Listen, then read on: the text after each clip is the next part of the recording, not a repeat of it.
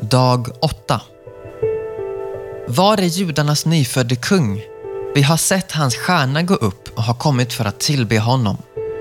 Matteus evangeliet kapitel 2, vers 2. Dag 8. Betlehems övernaturliga stjärna. Om och om igen får Bibeln oss att undra och bli nyfikna över hur vissa saker gick till. Hur fick denna stjärna de vise männen från östen till Jerusalem? Det står inte att den ledde dem eller gick före dem på vägen till Jerusalem. Det står bara att de såg en stjärna i öster, Matteus 2, vers 2, och kom till Jerusalem. Och hur gick stjärnan framför dem, de åtta kilometerna från Jerusalem till Betlehem som Matteus evangeliet 2, vers 19 säger att den gjorde? Och hur stannade stjärnan över den plats där barnet var? Svaret är, vi vet inte.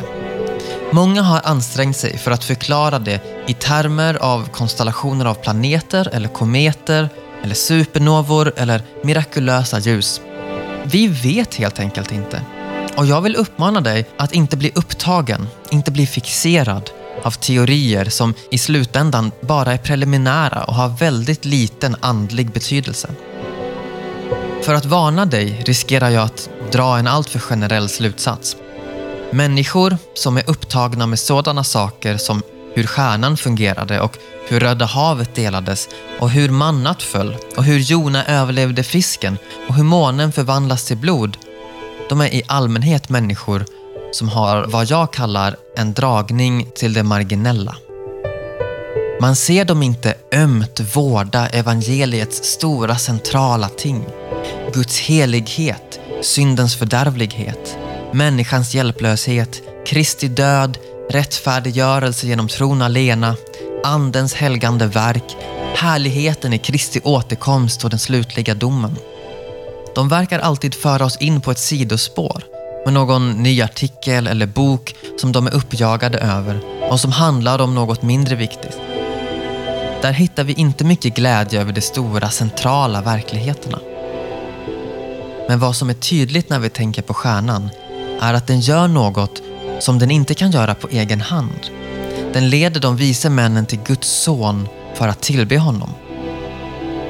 Om man tänker som Bibeln gör finns det bara en person som kan ligga bakom att stjärnorna beter sig på ett så avsiktligt sätt. Gud själv. Och lärdomen är uppenbar. Gud leder främlingar till Jesus för att tillbe honom. Och han gör det genom att utöva globalt, förmodligen till och med universellt, inflytande och makt för att få det gjort.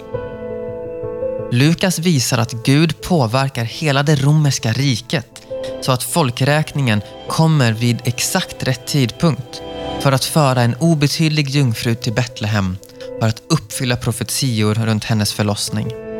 Och Matteus visar att Gud påverkar stjärnorna på himlen för att föra en handfull främlingar till Betlehem så att de kan tillbe sonen. Detta är Guds plan. Han gjorde det så. Han gör det fortfarande.